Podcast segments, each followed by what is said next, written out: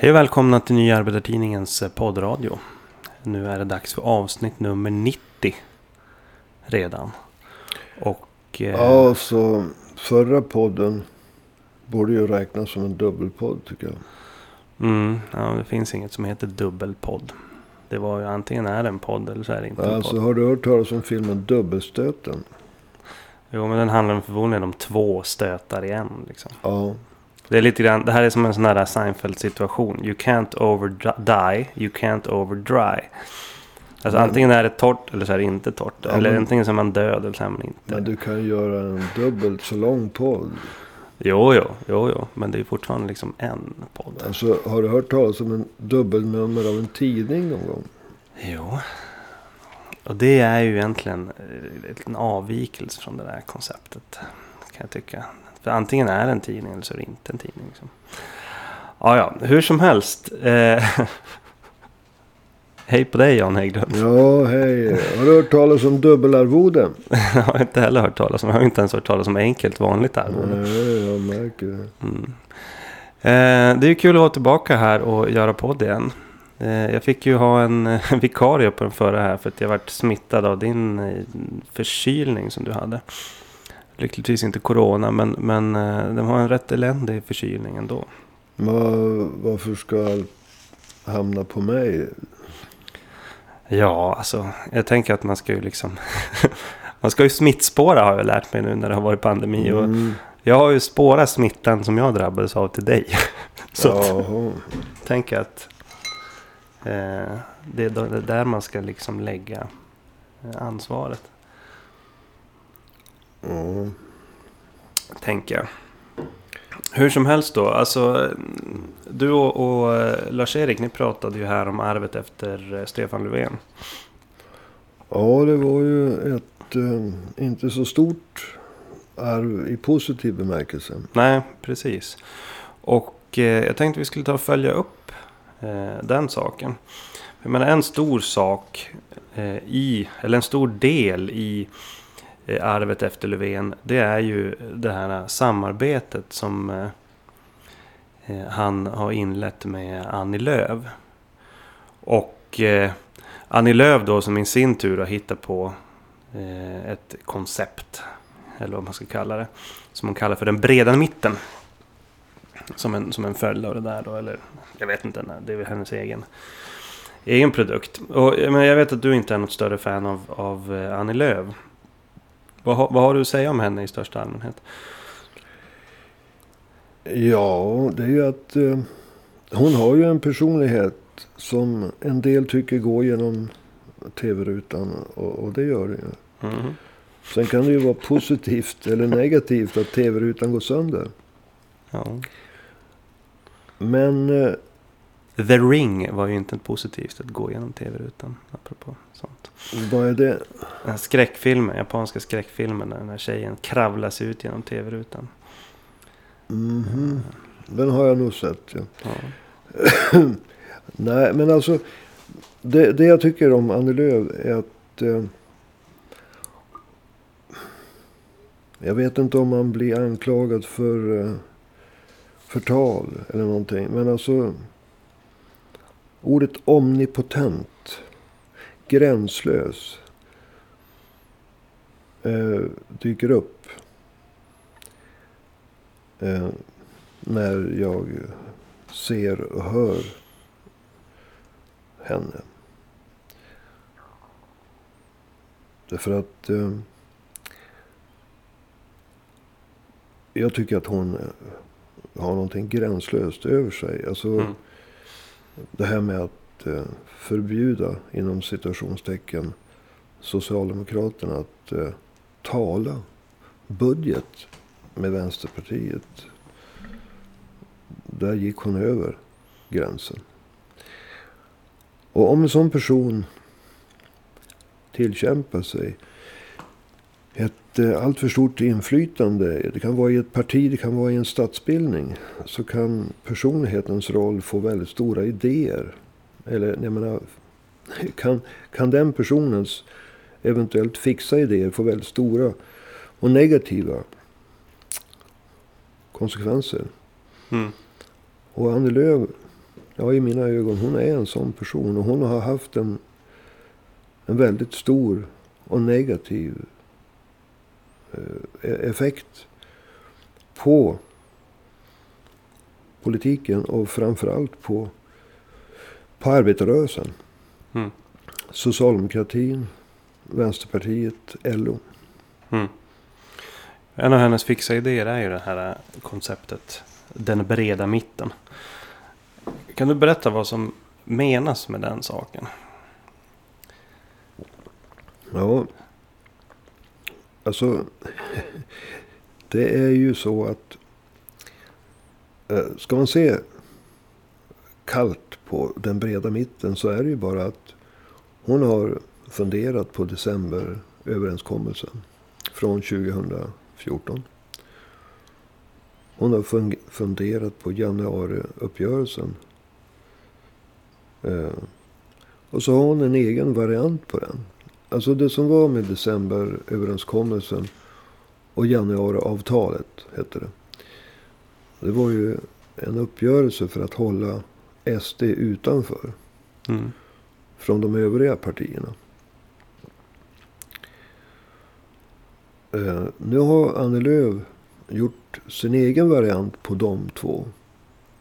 Och det är att förutom att hålla SD utanför så ska man även hålla V utanför. Då tappar så att säga i hennes eh, tvådimensionella värld både den ena sidan är ett parti och den andra sidan ett parti. Och då blir ju de andra partierna som blir kvar desto mera värda. Bland mm. annat Centerpartiet. Så att egentligen är alltså begreppet den breda mitten en, hennes variant på decemberuppgörelsen, eller överenskommelsen. Det är bara det att hon har lagt eh, Vänsterpartiet ovanpå SD för de som ska så att säga uteslutas. Men hon presenterar det inte så. Utan hon presenterar det just i en, som en mer smaklig anrättning. Inte som en negativ sådan. De här ska hållas utanför. Utan som en positiv sak. Den breda mitten. Mm. Och det omnipotenta i det hela. Alltså jag, Annie. Det är ju att hon är drottningen av den breda mitten. Det är hon som uppfann den eh, nya varianten av en allians. Alltså, det, det, hon, hon presenterar det som någonting nytt och någonting stort och någonting positivt. Trots att hon naturligtvis vet att det kommer inte att bli att Socialdemokraterna och Moderaterna bildar en gemensam regering. Hon vet att hela konceptet bara är en variant av decemberöverenskommelsen och, eller januariavtalet. Som handlade om, i båda fallen, att hålla SD utanför.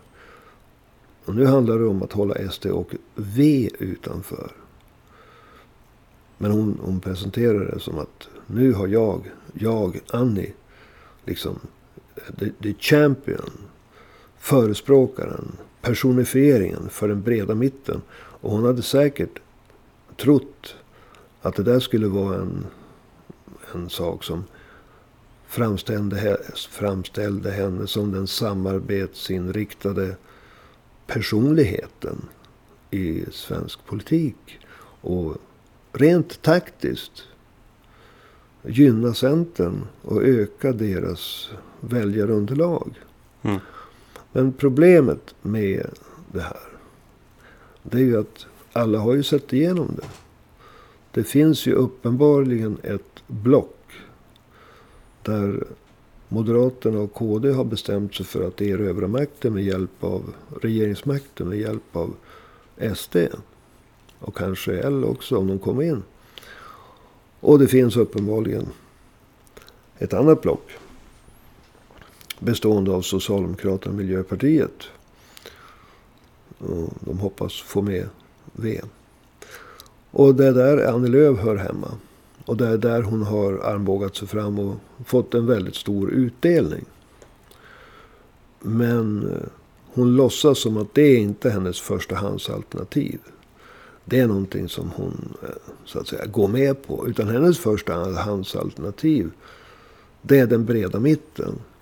Och de väljare jag tror att hon är ute efter det är väljare från Moderaterna och väljare från Kristdemokraterna och väljare från Liberalerna. Mm.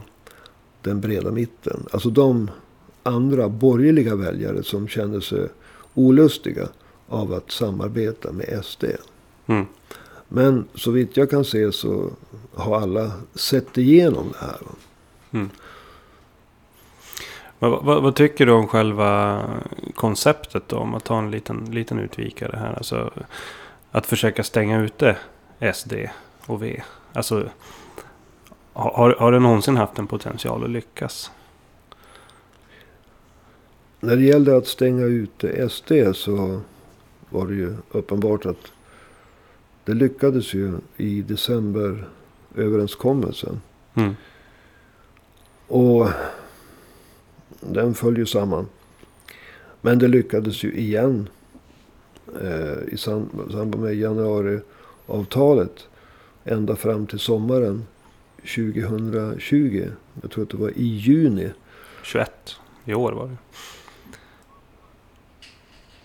Det var i sommaren 2020 som Moderaterna sa att nu, nu eh, Ja, du tänkte när de bildade det nya blocket där. Just ja. Ja. Nu, nu, då hade först eh, Ebba Mm. Busch. Hon är ju spjutspetsen. Ja, liksom. hon, hon har agerat torpedo åt lunch. Ja. eh, Med, eh, det var hon som var torpedo för, och så att säga eh, sa upp decemberöverenskommelsen. Jo. För då kunde Anne Kinberg, eller var Anna Kinberg Batra säga. Mm. Ja men den är ju uppsagd av, av Ebba. Ja, precis. Ungefär som att det betyder någonting. Sen så agerade Ebba också. Om man får, alltså Ebba Busch. Jag är inte Ebba med Ebba. Inte än i alla fall. Eh, eh, spjutspets och tog åt lunch med eh, Jimmy. Så att, Åkesson alltså. ja, Jimmy. Jag är inte Jimmy med Jimmy heller. Inte än i alla fall. Och eh, det som då alltid händer det är att Ebba Busch går före och Moderaterna efter. Det så var det när det gällde att säga upp decemberöverenskommelsen. Mm. Och så var det när det gällde att ta in SD i ett samarbete. Men det var alltså i juni eh, 2020. Eh, jag minns det för att jag hade semester.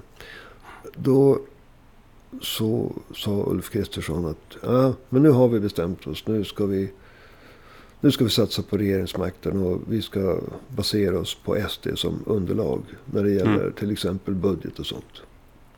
Och därmed fanns det ett block. Så att eh, din, din fråga var om det funkar. Ja, precis. Alltså är det någonting... Som koncept. Du sa att det- det hade funkat att stänga ut SD ett tag. Men Ja. Men alltså det var, man kan säga så här. Om ett parti som SD har nästan var femte väljare. Så kommer det förr eller senare att få ett parlamentariskt genomslag. Och det fick det. Problemet då det är ju att kostnaderna för att hålla SD utanför har ju varit enorma för arbetarrörelsen. Och med arbetarrörelsen menar jag i första hand socialdemokratin och LO. Mm. Och, men men eh, även Vänsterpartiet. Mm. Så att det går. Men det går ju inte eh, hur länge som helst. Alltså det går inte att hålla. Man, det, det, det, det var otänkbart att det borgerliga blocket skulle vägra att avstå ifrån makten. Hur länge som helst. Trots att eh, S och MP hade efter valet 2018. Där de gick ganska kraftigt bakåt. Mm. Alla verkar ha glömt det. De hade alltså inte ens en tredjedel av väljarna bakom sig. De hade inte ens en tredjedel av mandaten i riksdagen. Mm. Jag har sagt det ganska många gånger. Jo. Och eh, om man med borgerligheten räknar in SD så hade de nästan, nästan 60 procent av väljarna och nästan 60 procent av mandaten i riksdagen. Och den där situationen, den, den måste spricka. Förr eller senare så, så, så måste alltså en sån uppgörelse som januariavtalet spricka. Mm. Men om vi, om vi tittar på Vänsterpartiet då. Eh, för att det, det är ju uppenbart SD i och med att de är en del i Kristerssons block nu. Så den, den biten har ju, har ju spruckit. Men när, när det gäller Vänsterpartiet. Eh, och, och försöket att hålla ute dem. Tycker du att det har gått? Ja. Det verkade ju ha gått relativt bra under en, en tid. Alltså så länge, så länge decemberöverenskommelsen eh, fungerade. Då var ju vi ställd åt sidan. Och så länge januariavtalet fungerade. Så var ju vi ställt åt sidan. Alltså då fanns ju ett mindre behov av dem. Men i samband med att Liberalerna bytte fot. Nu har jag inte siffrorna framför mig, mandaten i riksdagen. Men det handlade ju också om ett partiledarbyte. Ursäkta. I Vänsterpartiet. Mm. Och eh, alltså det fanns ju vad Vänsterpartiet säger en förnedringsklausul i januariavtalet. Jo, de var ju det enda partiet som pekades ut. Ja. Inte ens SD pekades väl ut. Nej, jag tror inte det. Och om man, om man tittar tillbaka så har ju Vänsterpartiet, när Mona Sahlin tog sikte på regeringsmakten 2010. Då var ju Vänsterpartiet, Miljöpartiet och Socialdemokraterna en trio. Som Mm. skulle bilda regering tillsammans. Oklart liksom exakt vilka roller. Och de har ju varit liksom erkända stödpartier. Alltså även Vänsterpartiet. Jo. Och de här, speciellt alltså januariavtalet, var ju oerhört förnedrande för Vänsterpartiet. Och när då uppstår en parlamentarisk situation att eh, Socialdemokraterna kan inte Miljöpartiet, Socialdemokraterna och Centerpartiet kan inte få igenom vare sig Magdalena Andersson som eh, statsminister eller en gemensam budget utan Vänsterpartiet. Då kan ju inte Vänsterpartiet hur länge som helst utplåna sig själv. Mm. Utan då måste de sätta ner foten. Och det är ju uppenbart att nu faller ju den andra sidan av den eh, Annie Lööfs projekt. Den breda vänstern. Jag menar, Mitten tänkte du? den breda, mint, den breda vänstern. Den breda mitten. Så att eh, SD, de är ju en etablerad del i eh, Ulf Kristerssons block. Om man får säga så. Det är farligt att laborera med färger ska du veta. Mm. Och ganska fånigt ibland. Och nu så är det ju uppenbart att det här förbudet att tala med Vänsterpartiet. Som Stefan Löfven verkar ha gått med på. Jo. Det går inte hans efterträdare Magdalena Andersson med på. Utan hon sa med ganska eftertryck, stort eftertryck att hon förhandlade. Hon, hon samtalade inte. Hon lyssnade inte på... Jo. Utan hon, hon- gjorde som en grej av det där. Ja, hon förhandlade med Vänsterpartiet. Mm. Och med tanke på Annie Lööfs förbud så var det ju en känga åt Annie Lööf som jag uppfattade det. Ja, absolut. Nu så gäller inte Annie Lööfs och Stefan Löfvens eh, utmobbning av Vänsterpartiet. Nu förhandlar jag med Vänsterpartiet. Hon, gjorde också, hon, hon sa också att hon hade haft eh, bra förhandlingar med Vänsterpartiet tidigare. Mm. Men är det inte egentligen, och det här var någonting som vi pratade om innan vi körde igång podden här. Alltså, alltså varför, det, det är ju någonting bakvänt i det här. Varför ska Magdalena Andersson överhuvudtaget göra upp med Centern först? Alltså de är ungefär lika stora, Vänsterpartiet och Centerpartiet. Alltså det är ju någon sorts orimlighet i det där. Ja, alltså. Det, det är ju så här att. Det, det roliga. Eh, här är ju att. Vad skulle hända om vi leker med tanken att Magdalena Andersson helt enkelt säger till Centerpartiet och dess ledare Annie Lööf att eh, vi, Miljöpartiet och Vänsterpartiet, Mm. vi har kommit överens om ett, bu- en budget, ett budgetupplägg. Mm. Och vi har också kommit överens om att det var nog ett misstag att försämra LAS. Mm. Och att försvaga That's kollektiv... what I'm talking about. Ja, och att försvaga kollektivavtalen. Vilket till viss del har skett. Och det var nog ett misstag. Eh, en del skattesänkningar. Ja. Så vi har kommit överens om att eh, förbättra anställningsskyddet. Vi har kommit överens om att återta de försämringar som har skett när det gäller kollektivavtalen. Och vi har kommit överens om att det krävs skattehöjningar för att stärka sjukvården och äldreomsorgen efter coronapandemin. Mm. Men det är klart Annie. Vi behöver dina röster. Alltså att man helt enkelt byter ut Centerpartiet mot Vänsterpartiet. Man försätter Centerpartiet i Vänsterpartiets position. Mm. Vad ska Annie Lööf göra då? Exakt.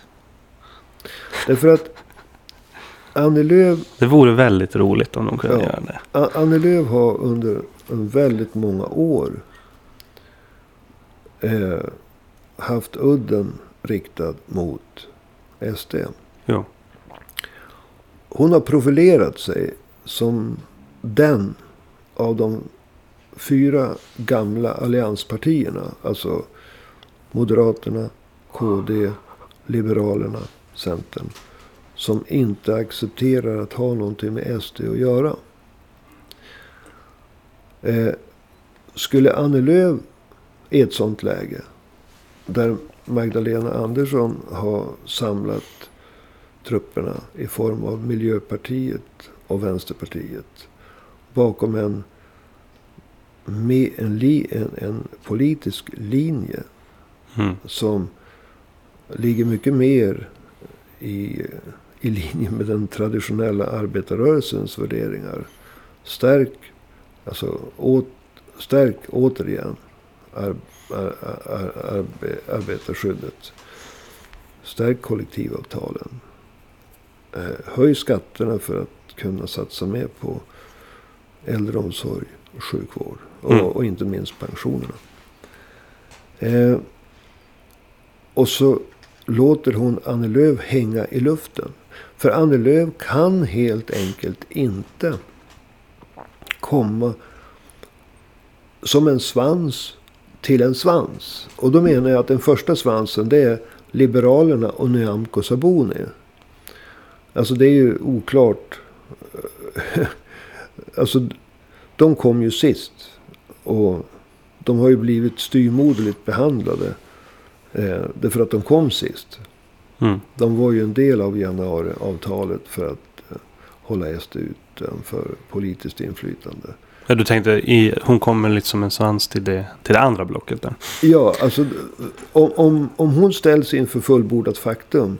S, V och MP har resonerat ihop sig om en budget. Och naturligtvis också om att Magdalena Andersson ska bli deras statsministerkandidat. Mm.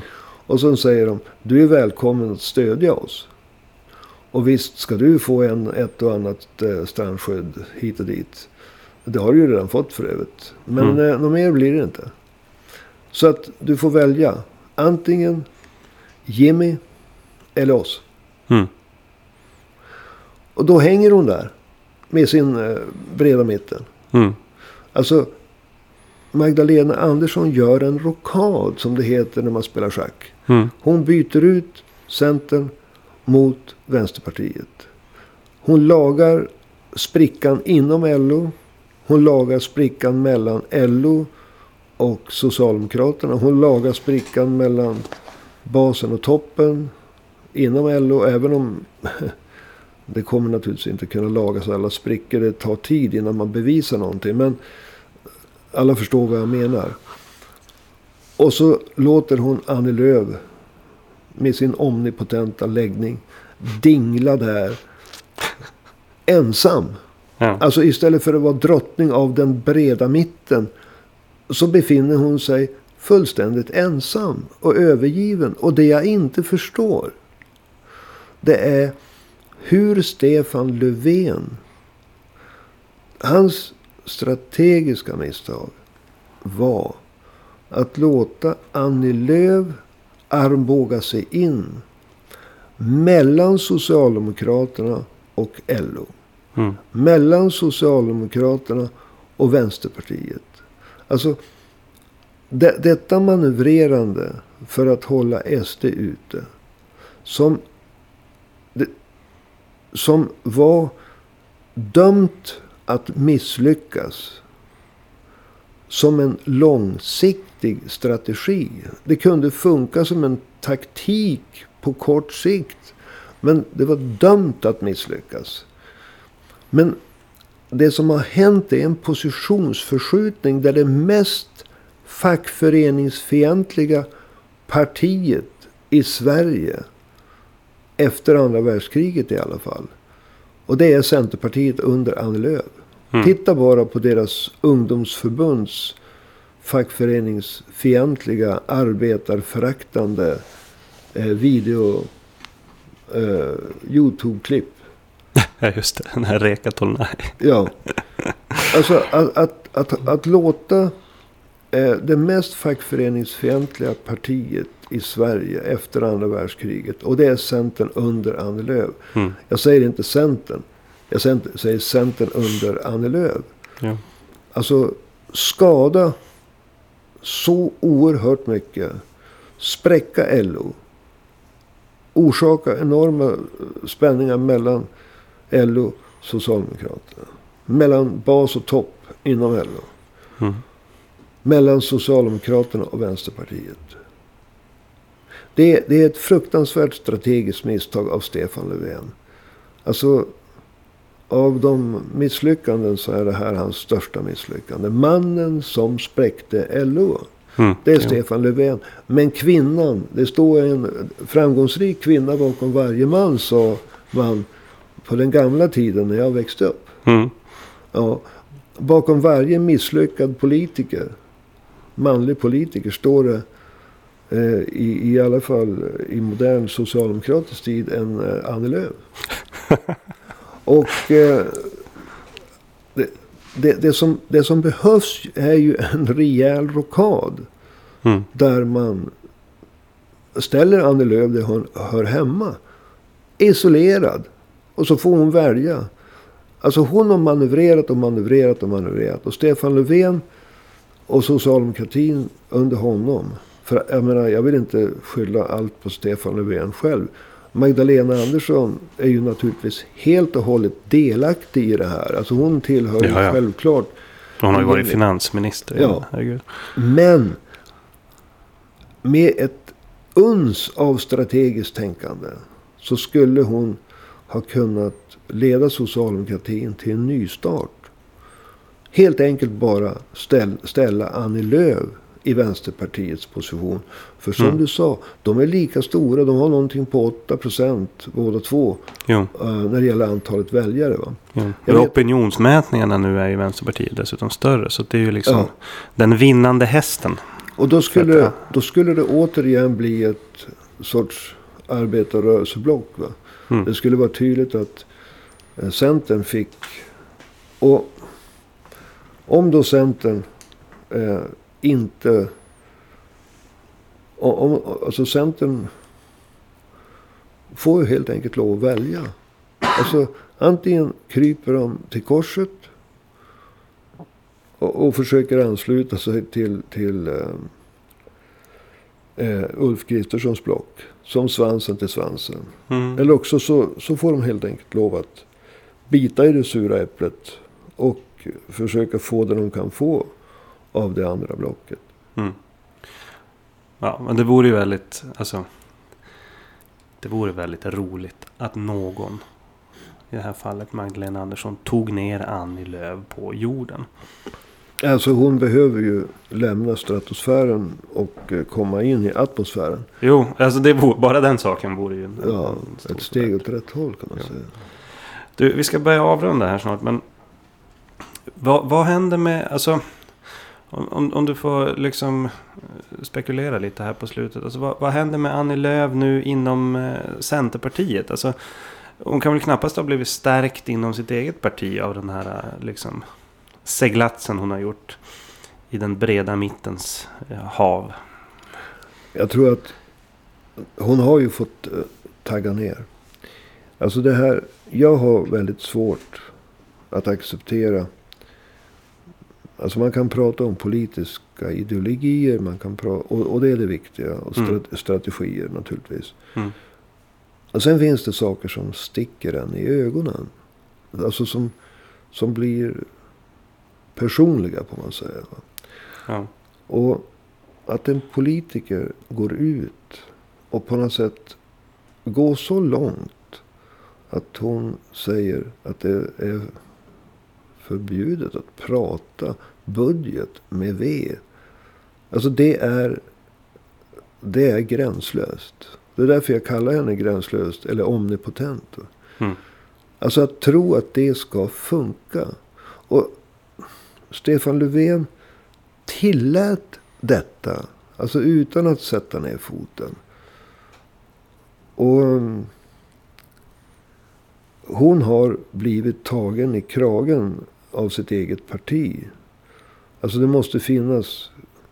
Centern har ju historiskt sett inte varit så där oresonlig som det har framstått under Annie Lööf. Inte ultimativt. Utan det var Centern som räddade... Alltså när eh, Göran Persson genomdrev västvärldens största nedskärningsprogram åren 94 till 98. Mm. Då var det Vänsterpartiet som hjälpte honom med de nedskärningarna till 90 procent. Men de sista 10 procenten då ryckte Centern in Mm. och tog det där nedskärningsprogrammet i mål. Centerpartiet har varit ett parti som har ur borgerlig synvinkel varit opålitligt. De har varit de första att göra upp med Socialdemokraterna i många lägen. Eh, historiskt sett. Nu har uppenbarligen några mer eh, mindre, vad man ska säga, eh, ultimativa politiker i Centern sagt åt Annie Lööf att hon måste tagga ner. Mm. Därför att annars så blir det liksom katastrof. Alltså då, det, det blir inga uppgörelser. Mm. Och hon har fått acceptera att Vänsterpartiet numera är ett parti som inte förnedras. Som inte eh, mobbas. Som, in, som man pratar med. Och Ja. det är naturligtvis en prestigeförlust för Annie Lööf inom sitt parti. Det är ett prestigeförlust för Annie Lööf i förhållande till andra partier och förhoppningsvis en prestigeförlust för Centern inför alla väljare. För jag önskar verkligen Centern all olycka i riksdagsvalet. Mm. Ja. Du, eh, har du några final words innan vi rundar av det här? Ja, det är alltså att Annie Lööf och Stefan Löfven och deras samarbete har varit bland det mest destruktiva när det gäller arbetarskyddet eller arbetstagarskyddet. Det har varit bland det mest destruktiva när det gäller socialdemokratins avideologisering. Mm. När det gäller förhållandet mellan socialdemokratin och LO. När det gäller förhållandet inom LO. Det har varit kanske den sämsta delen av Stefan Löfvens arv. Och ifall vi kan se ett slut på Centerpartiets eh, inflytande över arbetarrörelsen så är det positivt. Mm. Men nu, nu tror jag inte att det är så. Utan jag tror att vi, vi har en väldigt olycklig valrörelse. Därför att eh, på den ena sidan så har vi ett block där SD ingår. Mm. Och jag kallar inte SD för nazister eller så. Men jag anser inte att SD är ett pålitligt parti. Utan det är ett parti som lovar, lovar, men de kommer i slutändan att böja sig för vad Moderaternas budgetpolitik säger. Ja. Och eh, på andra sidan så kommer vi ha ett block där den största fackföreningsfienden, Centern under Annie Lööf, ingår. Så det kommer inte att finnas ett arbetarrörelsealternativ. Utan så länge Centern ingår i, i vilket block det nu blir med Socialdemokraterna så är det inte ett vare sig positivt eller negativt arbetarrörelsealternativ. Utan det är ett borgerligt alternativ. Mm. Så det kommer att vara två borgerliga alternativ som ställs mot varandra i valet. Och det var så jag sa i, i, i förra bloggen också. Men det här leder oundvikligen fram till det. Och det tror jag, och det sa jag förra gången också. Det tror jag kommer att, att skada det politiska livet. Och jag vet inte hur mycket det, kommer att uttryckas i procent. Men alltså ett val handlar inte bara om hur många människor som stoppar en valsedel i en valurna. Det handlar om med vilken känsla man gör det. Det handlar om hur valrörelsen utkämpas. Och det handlar om vad valet lägger för grund för de 1460 dagarna efter valet. Mm. Och jag tror att med två borgerliga alternativ. För ett, jag säger det igen. En socialdemokrati i samarbete med den största fackföreningsfienden i Sverige efter andra världskriget. Det är inte något annat än ett borgerligt alternativ. Mm. Och det kommer att skapa en eftersmak som jag tror få har börjat fundera på. Och det är mina final words. Alltså jag tror det kommer att vara väldigt, väldigt negativt. Mm. Alltså det sönderfallet i svensk politik tror jag kommer att fortsätta. Och jag, sönderfallet kan ju ta sig många olika uttryck. En, en del av det, det är ett ideologiskt sönderfall. Alltså en nedmontering av allting arbetarrörelsen har stått för. Alltså vad ska socialdemokratin gå ut i valet för? Rösta på oss, det var vi som försämrade LAS. Rösta på oss, det var vi som fortsatte alliansens skattesänkningar. Och därmed underminera offentliga sektorn. Speciellt i en pandemi. Rösta på oss, vi försämrade kollektivavtalen. Rösta på oss, hade det inte varit för V så hade vi infört fri hyressättningen. Nyproduktion av hyresrätter. Rösta på oss. Vi eh, håller inte någonting. Mm.